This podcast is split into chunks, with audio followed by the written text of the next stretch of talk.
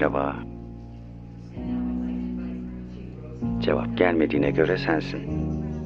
Zaten bunun için bilmediğim ya da gizli olan numaraları kapatmadım hiçbir zaman.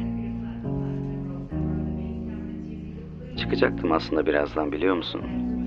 Birkaç dakika daha sonrasına denk gelseydi bu an, hayatın büyük bir bölümünde beklediğim bu anı kaçıracaktım. Sanıyorum en son gördüğüm düşü merak ediyorsun. Şu an gelen yolcuların karşılandığı yere bakan koltuklarda oturuyorum. Bu da en güzellerinden biri değil mi zaten? Düşünsene bu kapı kavuşma kapısı aslında. Kavuşamayanların Sinan Çetin'i yok. Kavuşsunlar diye ısrar edenleri, uğraşanları, ikna edenleri yok. Ellerinde sadece burası kalıyor. Gelenlerin de, bekleyenlerin de.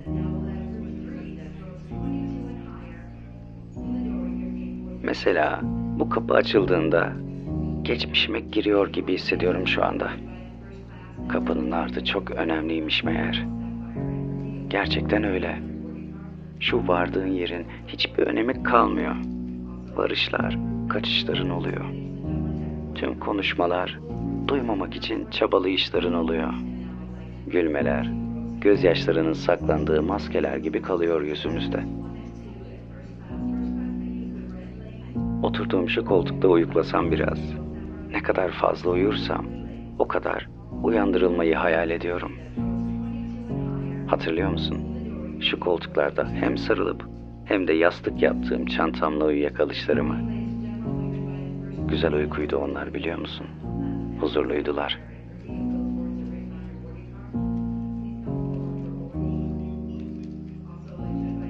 Neden çantaya sarılırdım peki? Onu biliyor musun? Değerli çok bir şeyim yoktu zaten. Telefon ve cüzdanım da cebimde olurdu. Peki ben neden çantaya sarılırdım?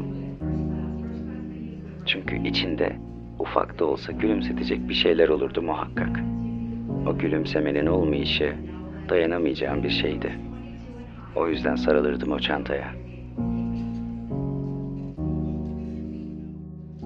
Artık yavaş yavaş çıkmalıyım.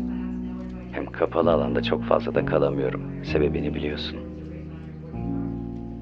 Bir şeyler duymayı isterdim. Şu şehre mutlu girebilmek için. Duyabilir miyim sence?